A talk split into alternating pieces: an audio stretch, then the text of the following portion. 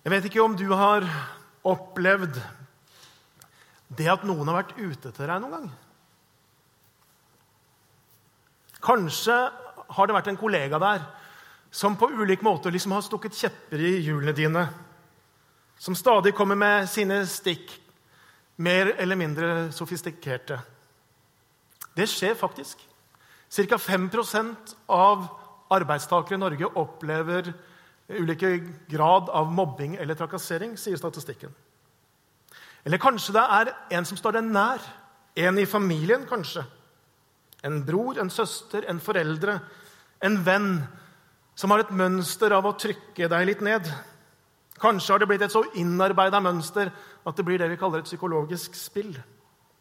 Kanskje er det en nabo, kanskje er det en eks. Hva gjør vi da når noen liksom er litt ute etter oss? Jeg har opplevd det. Etter eh, noen måneder som nyutdanna pastor så fikk jeg en følelse av at en av mine aller beste venner, en av mine nærmeste, på en måte gjennom sånne småting motarbeida noe av det jeg gjorde, noe av det jeg da, i den tjenesten jeg da hadde. Og I starten så var det bare noe som jeg på en måte bortforklarte. Jeg tenker, ja, nei, det er sikkert ikke noe spesielt. Men etter hvert så ble hans forsøk på å sabotere det jeg gjorde, mer og mer åpenbart.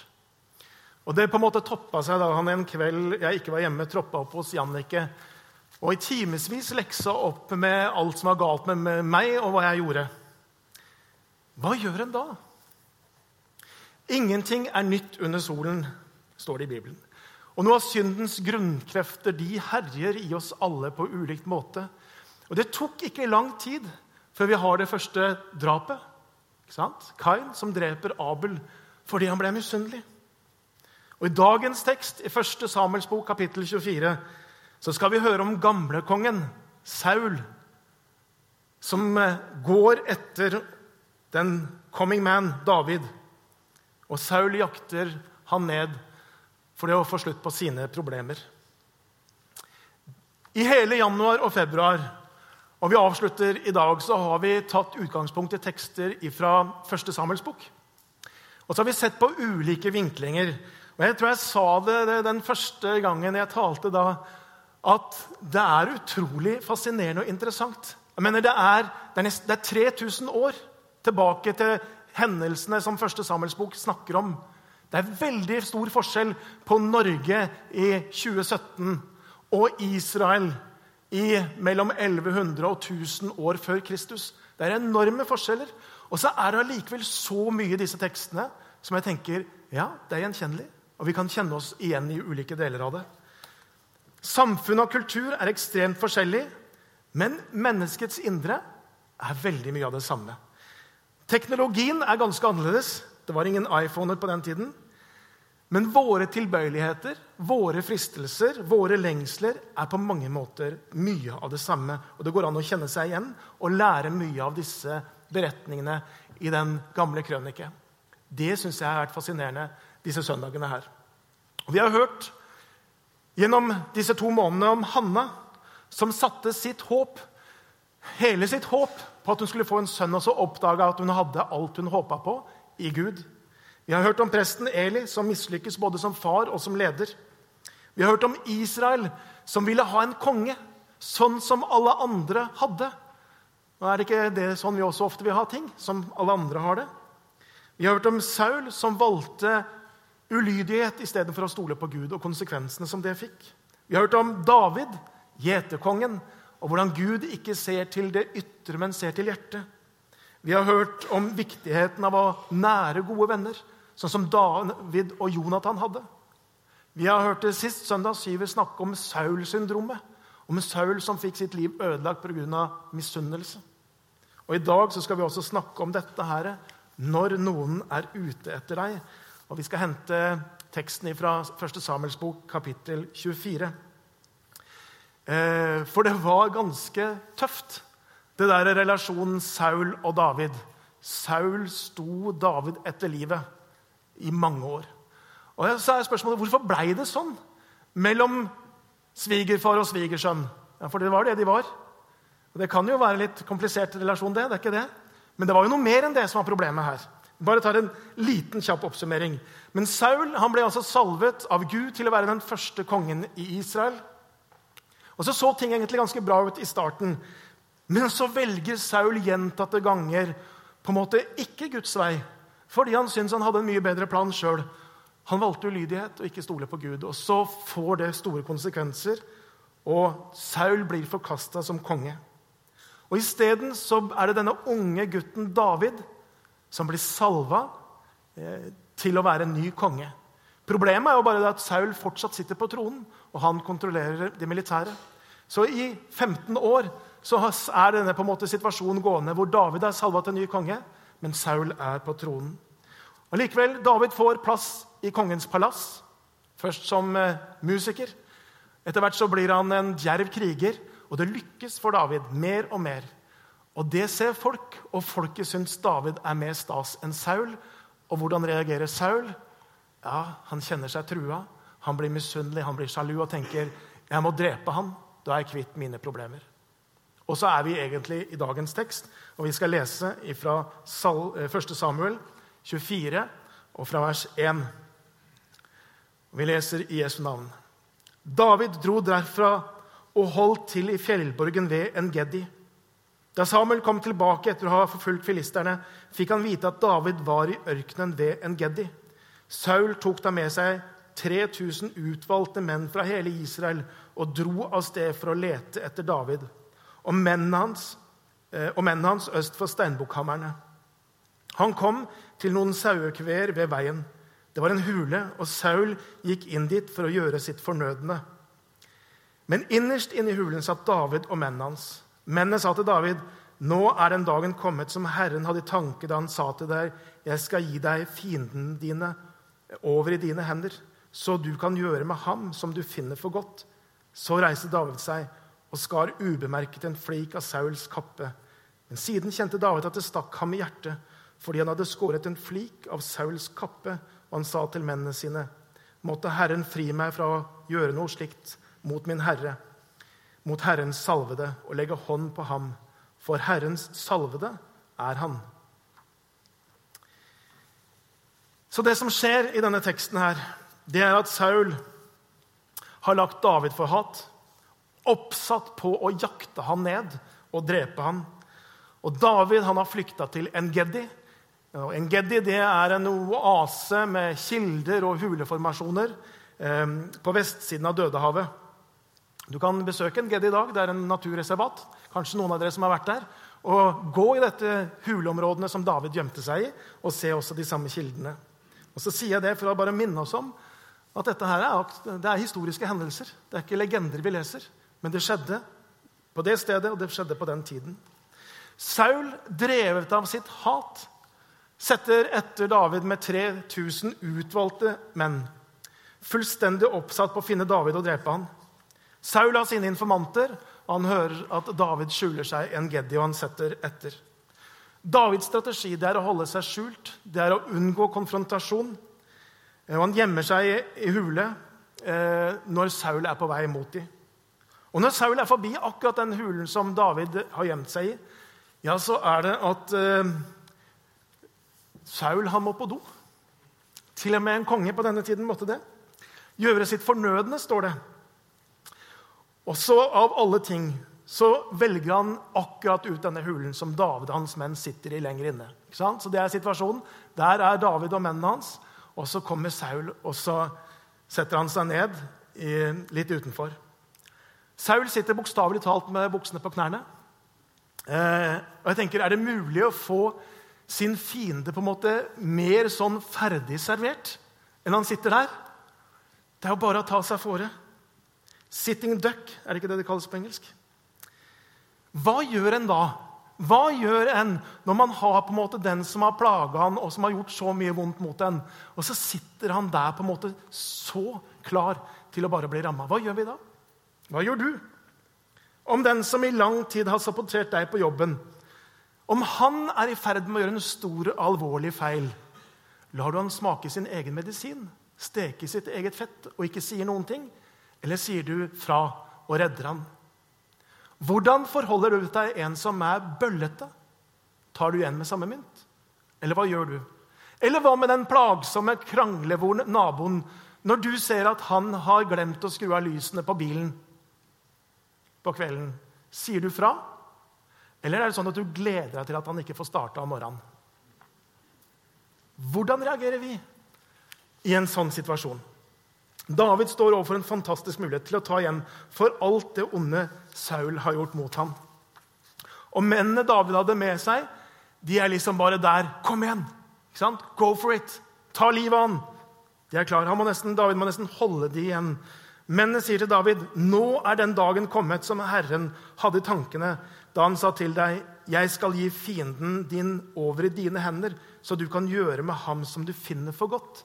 Så De siterer til og med Skriften på mange måter for å overtale David til å gjøre dette her mot Saul. Og så er jo spørsmålet ikke sant? Er det Guds ledelse? Er det en åpen dør? Eller hvordan er det? Og så har jeg lyst bare på en måte ta en litt stor parentes eller et lite sidespor som går akkurat på det på Guds ledelse. For jeg tenker denne teksten her viser oss noe. At det er ikke alltid sånn at en gyllen mulighet eller en åpen dør er et tegn på Guds ledelse. Det må alltids prøves på Guds ord. Det må alltid prøves på Guds ord. Og jeg tenker Noen ganger så trår vi kristne feil. Og jeg har hørt kristne som har sagt at for meg er det enkelt det med Guds ledelse. Er det en åpen dør, så tenker jeg at det er Gud som leder. Og Så tenker jeg, så enkelt er det ikke. Vi må alltid teste på en måte de mulighetene som er der, de åpne dørene, på Guds ord. Gud leder oss aldri inn i noe som strider mot Hans ord. La meg ta et litt, kanskje et litt banalt eksempel. Men for en del år siden, for ganske mange år siden så var det en, var en helt ny kristen som søkte og ble student på Ansgarskolen. Eh, da den lå i Oslo, så det er mange år siden. Og når skolen starta opp, så hadde han liksom da på den kvelden et, eh, fortalte han sitt vitnesbyrd. Og så sier han følgende Han sa da jeg kom til Oslo Jeg kom en uke før, og så tok jeg inn på et hotell. Problemet var at jeg hadde ikke noe penger. Men så tenkte jeg jeg har lagt det i Guds hender.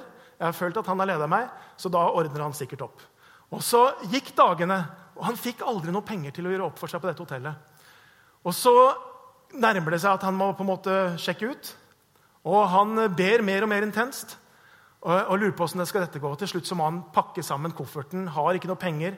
Og så forteller han på dette, denne elevkvelden så forteller han følgende Og så gikk jeg gjennom resepsjonen, og vet du hva? Det var ingen der.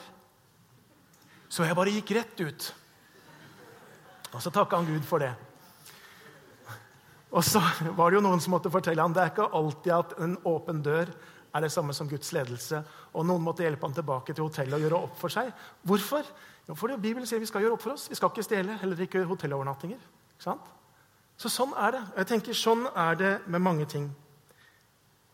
Det hender av og til jeg hører folk sier ja, men muligheten var der. Jeg måtte bare ta den. Eller det var meant to be. Jeg tror Gud forstår det. Eller ja, om Gud ikke ville at jeg skulle gjøre dette, da måtte han jo ha stoppet meg. Men det er ikke sånn det funker, dette med Guds ledelse. Og jeg tror denne teksten her viser oss nettopp noe av det. Og så er det jo det, Når vi står i de der valgsituasjonene, så kan vi begynne å rasjonalisere. Det kunne David ha gjort. Han kunne sagt Saul har gjort så mange grusomheter. Han har drept hele landsbyer. Han har slaktet prester. Jeg tenker Han fortjener det. På, ja, på mange måter så kunne sikkert hvert på denne tiden folk vært enig med David i det. David kunne sagt ja, hvis jeg tar livet av Saul, så kommer jeg til å spare mange menneskers liv. Ikke sant? Så det er bedre å ta hans liv enn at mange andre dør. Og det ville vært sant. David kunne ha sagt tar jeg livet av Saul, så er det jeg kvitt alle mine problemer. Men David gjør ikke det. Han skjønner at det å ta Saul her, det er galt. Det er brudd på Guds bud om å ikke drepe. Det er ikke sånn Gud skal sørge for at David får sitt kongedømme. Så David gjør ikke det, selv om mennene siterer Skriften. Det skriftstedet finnes ikke i Bibelen. Eh, jeg har i hvert fall ikke funnet det. Så det er ikke sikkert det var Skriften heller. Og det hender jo at vi siterer sånne skriftsteder som ikke står i Bibelen, for å begrunne et eller annet. Og Noen ganger så siterer vi Skriften. Djevelen gjorde det når han frista Jesus. siterte Skriften, Men så er det løsrevet og utenfor sammenheng. Så jeg tenker, hva er det dette sier? Jeg tenker, Uansett hva som åpner seg foran oss, så må vi sjekke det mot Guds ord. Gud leder oss aldri inn i noe som han sier er feil. Han leder oss aldri inn i noe som bryter med hans eget ord. Det var et lite ekskurs om ledelse. Tilbake til dagens tekst. David benytter altså ikke muligheten til å gjøre opp med Saul her og, der, her og nå. Eh, han må nesten holde mennene sine tilbake. De vil gå løs på Saul. Men det David gjør, er at han sniker seg fram mot Saul. Og uten at Saul merker det, så skjærer han en flik av kappen hans. Sikkert både for å kunne på en måte senere vise overfor Saul, se hvor nær jeg var ved å ta ditt liv, men det er også noe symbolsk i dette. For Kongekappen til Saul representerer kongeriket og herskermakten. Og Saul skjærer en flik av det for å vise jeg kommer til å ta ditt kongedømme en dag. Saul gjør seg ferdig, uviten om hvor nær han var med miste livet. Han går ut av hulen og gjør seg klar til å sette av gårde. Og Da er det at David går etter han ut av hulen og roper til han. Og så skal du høre nå, nå skal vi lese noen vers om hva David her sier.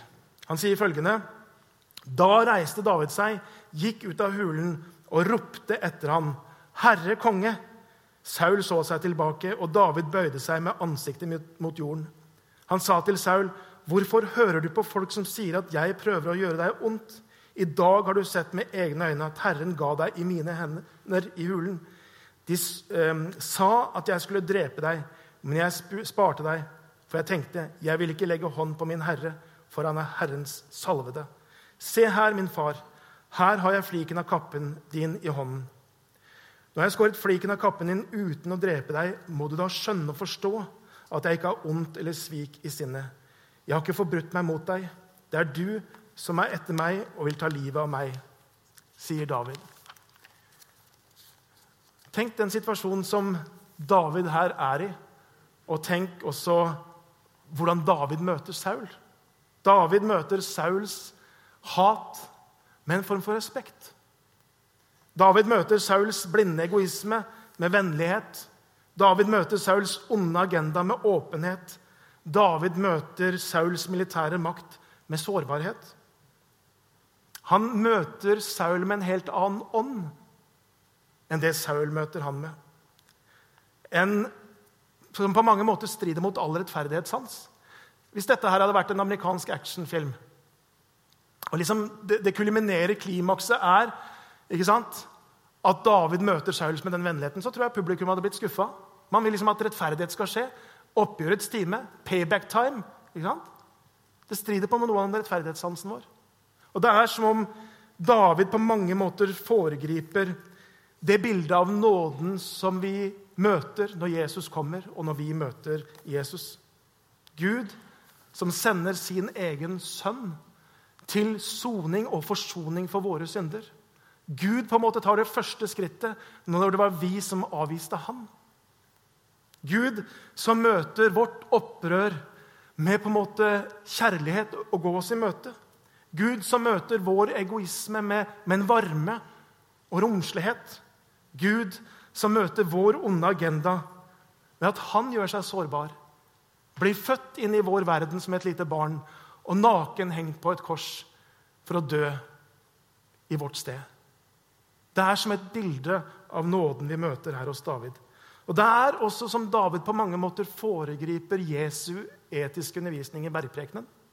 For hva er det Jesus sier der? Jo, han sier, 'Dere har hørt deg sagt, du skal elske din neste og hate din fiende.' Men jeg sier dere, elsk deres fiender. Velsign dem som forbanner dere.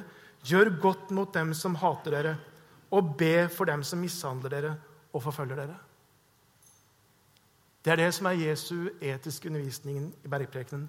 Og Når Paulus følger opp i romerbrevet med sin menighetsundervisning, så er det på mange måter noe av dette bildet her eh, som Paulus også snakker om. Han sier i romerbrevet kapittel 12 og vers, fra vers 17.: Gjengjeld ikke ondt med ondt. Ha tanke for det som er godt for alle mennesker. Hold fred med alle, om det er mulig, så langt det står til dere. Ta ikke hevn, mine kjære, men overlat vreden til Gud. For det står skrevet, hevn hører meg til. Jeg skal gjengjelde, sier Herren. Men er din fiende sulten, så gi ham mat. Er han tørst, så gi ham drikke. Gjør du det, samler du glødende kull på hans hode. La ikke det onde overvinne deg, men overvinn det onde med det gode. Jeg tenker Det er noe av dette David praktiserer her i hulen. Jeg kan huske når jeg oppdaga disse versene i Romerbrevet for aller første gang. Jeg husker ikke akkurat året, men jeg gikk på videregående. Jeg leste alltid et kapittel i Bibelen hver kveld før jeg sovna. Og Så kom jeg til Romerbrevet 12 og så leste jeg disse versene her. Og så var det et eller annet ved disse versene som gjorde at de aldri har sluppet tak i meg. Det var på en måte noe som satte seg sånn fast i meg. Og jeg tror på en måte jeg syns det var provoserende. Kan du skjønne hvorfor? Ja. Å gjøre godt mot de som har gjort noe vondt med deg. Det er noe provoserende. det. Og Samtidig så var det noe i dette som det var en sånn frihet i. For jeg tenkte ja, dette er noe av nøkkelen til at kjærligheten faktisk kan seire. Til at relasjoner kan reddes. Til at konflikter kan løses. Og så var det et eller annet som satte seg fast. Og så jeg tror aldri siden det jeg har glemt på en måte disse versene. Og når jeg har vært oppe i sånne situasjoner som har vært konfliktfylte, eller et eller annet det, som handler noe om dette, her, så har disse versene kommet tilbake til meg. Sånn har det vært hver gang. Og denne min gode venn, som jeg starta med å si litt om i starten, som stakk kjepper i hjulene på meg i min tjeneste som, som pastor på det tidspunktet Hva gjør man da? Og først forsøkte nok ikke å bry meg, jeg forsøkte bare å overse det. Og til slutt så nytta ikke det lenger. Det blei så åpenbart, og jeg måtte ta en samtale med han. Og Jeg skal ikke si at jeg praktiserte på en måte alle bibelske prinsipper her, for det ble en veldig vanskelig samtale. Men det ble også en veldig god samtale. Og det står veldig respekt av min gode venn fordi han var så ærlig og han var så åpen. Og han fortalte om hva i hans eget liv som gjorde at han ønska at det skulle mislykkes for meg. For det ønska han. Men vi fikk en samtale. Eh, vi var fortsatt venner. Vi var mye sammen. Men det ble annerledes. Og sånn blir det ofte. Det blir noen konsekvenser. Det blir ikke helt som før. Men vi gjorde også mange ting sammen etter dette. her. Hvor ender dette møtet som vi leser om i dag? David møter Sauls ondskap med godhet. Hva skjer? Og Vi skal lese fra vers 17. Håper det er greit at vi leser litt av teksten i dag. Er det det? Det er jo spennende. Ja. Da David hadde sagt alt dette til Saul, sa kongen, 'Er dette din stemme, min sønn David?' Så brast han i gråt og sa til David, 'Det er du som har rett, ikke jeg.' 'For du har gjort godt mot meg, enda jeg har gjort ondt mot deg.' 'I dag har du vist meg at du vil meg vel.' 'Du drepte meg ikke da Herren hadde gitt meg i din hånd.' 'Hvor er den mannen som treffer sin fiende, og lar ham dra sin vei i fred?' Måtte Herren lønne deg for det du har gjort mot meg i dag. Nå vet jeg at du helt sikkert skal bli konge og holde kongedømmen over Israel fast i din hånd. Sverg nå ved Herren at du ikke vil utrydde mine etterkommere og ikke utslette mitt navn fra min fars hus. Dette lovet David med ed. Så dro Saul hjem, og David og mennene hans gikk opp til fjellborgen. Det er jo helt utrolig med den forvandlingen vi ser hos Saul. Davids godhet skaper denne reaksjonen i tyrannen som Saul hadde blitt på denne tiden. Og Saul som type er jo sammensatt, for han er kynisk, han er røff, han dreper folk uten å tenke seg om. Og så møter han denne godheten, og så berører han så sterkt at det står han begynner å gråte. Og så ser vi en selvinnsikt hos Saul som vi ikke har sett før, som er helt annerledes og ny. Han sier, det er du som har rett, sier han, ikke jeg. Du har gjort godt mot meg, enda jeg har gjort ondt mot deg. Så sier han, jeg skjønner at det er du som skal bli konge. Det er du som er konge over Israel. Og så står det Og så drar Saul hjem med 3000 mann. David hadde en flokk på noen hundre. Saul kunne ha tatt ham til fange og ført ham hjem. Men Saul vender om på hesten og drar hjem. 3000 mann overvunnet ved Davids godhet. Og David vinner en av en måte, sine viktigste og største seire her rett og slett ved å, ved å, være god og unnlate å benytte seg av den muligheten som ligger der. Og så er Saul fullstendig forvandla. Han virker omvendt. Og I siste verset så hører vi altså at Saul vender hjem. Men vi hører også noe annet. Det synes jeg er interessant.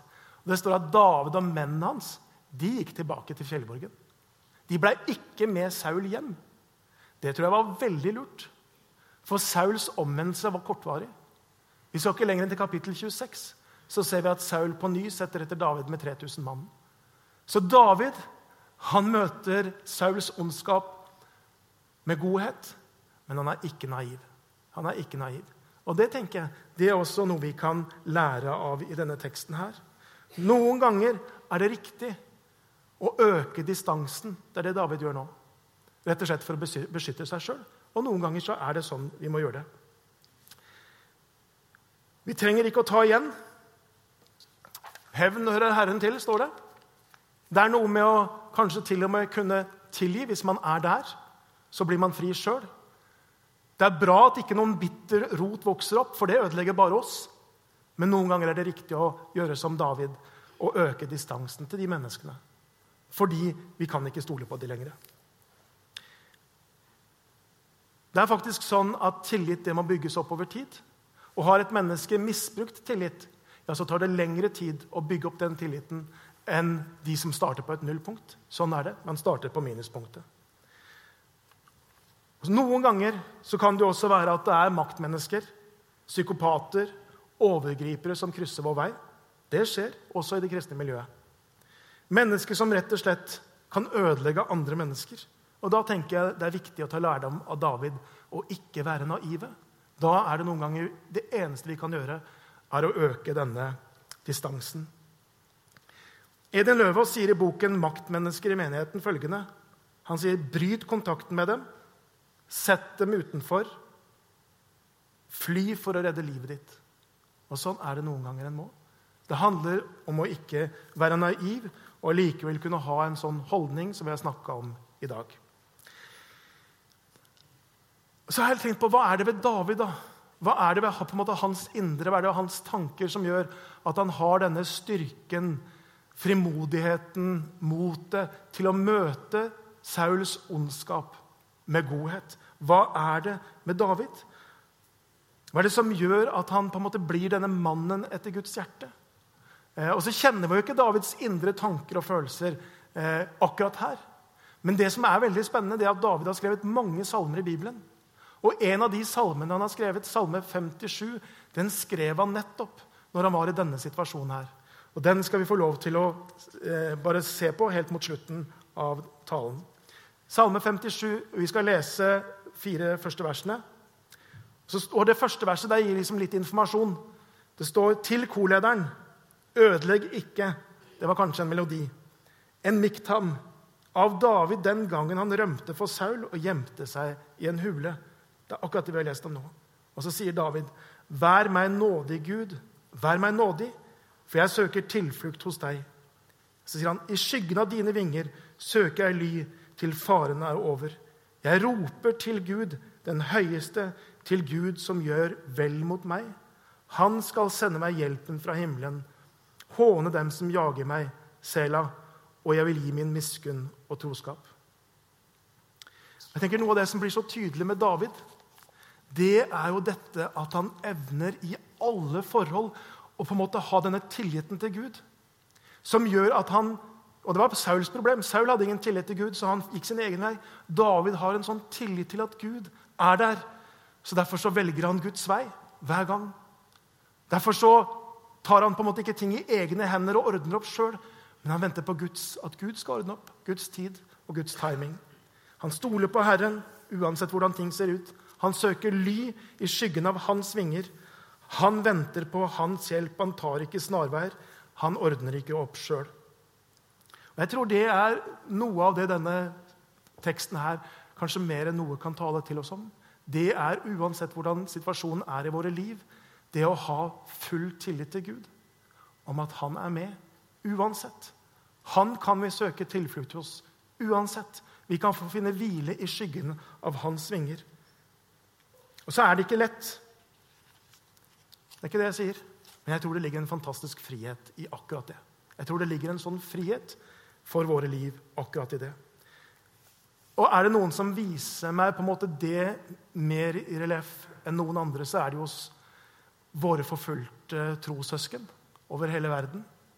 Da jeg hører deres vitnesbyrd om hvordan de i sin situasjon på en måte har full tillit til Gud, møter det onde med det gode, så på en måte så, så berører det meg. For de har funnet en frihet som jeg tenker, som jeg bare lengter etter å ha. Sånn som jeg nydelig leste om nordkoreanske kristne. Og Nord-Korea er det verste, vanskeligste landet å være kristen i. Og så var det en som fortalte, som hadde vært i kontakt med dem, så sa han at når nordkoreanske kristne ber, ja, så ber de for Kim Jong-un. Ikke at han skal bli fjerna eller dø, men de ber at han skal finne Jesus. De ber for hans evige liv.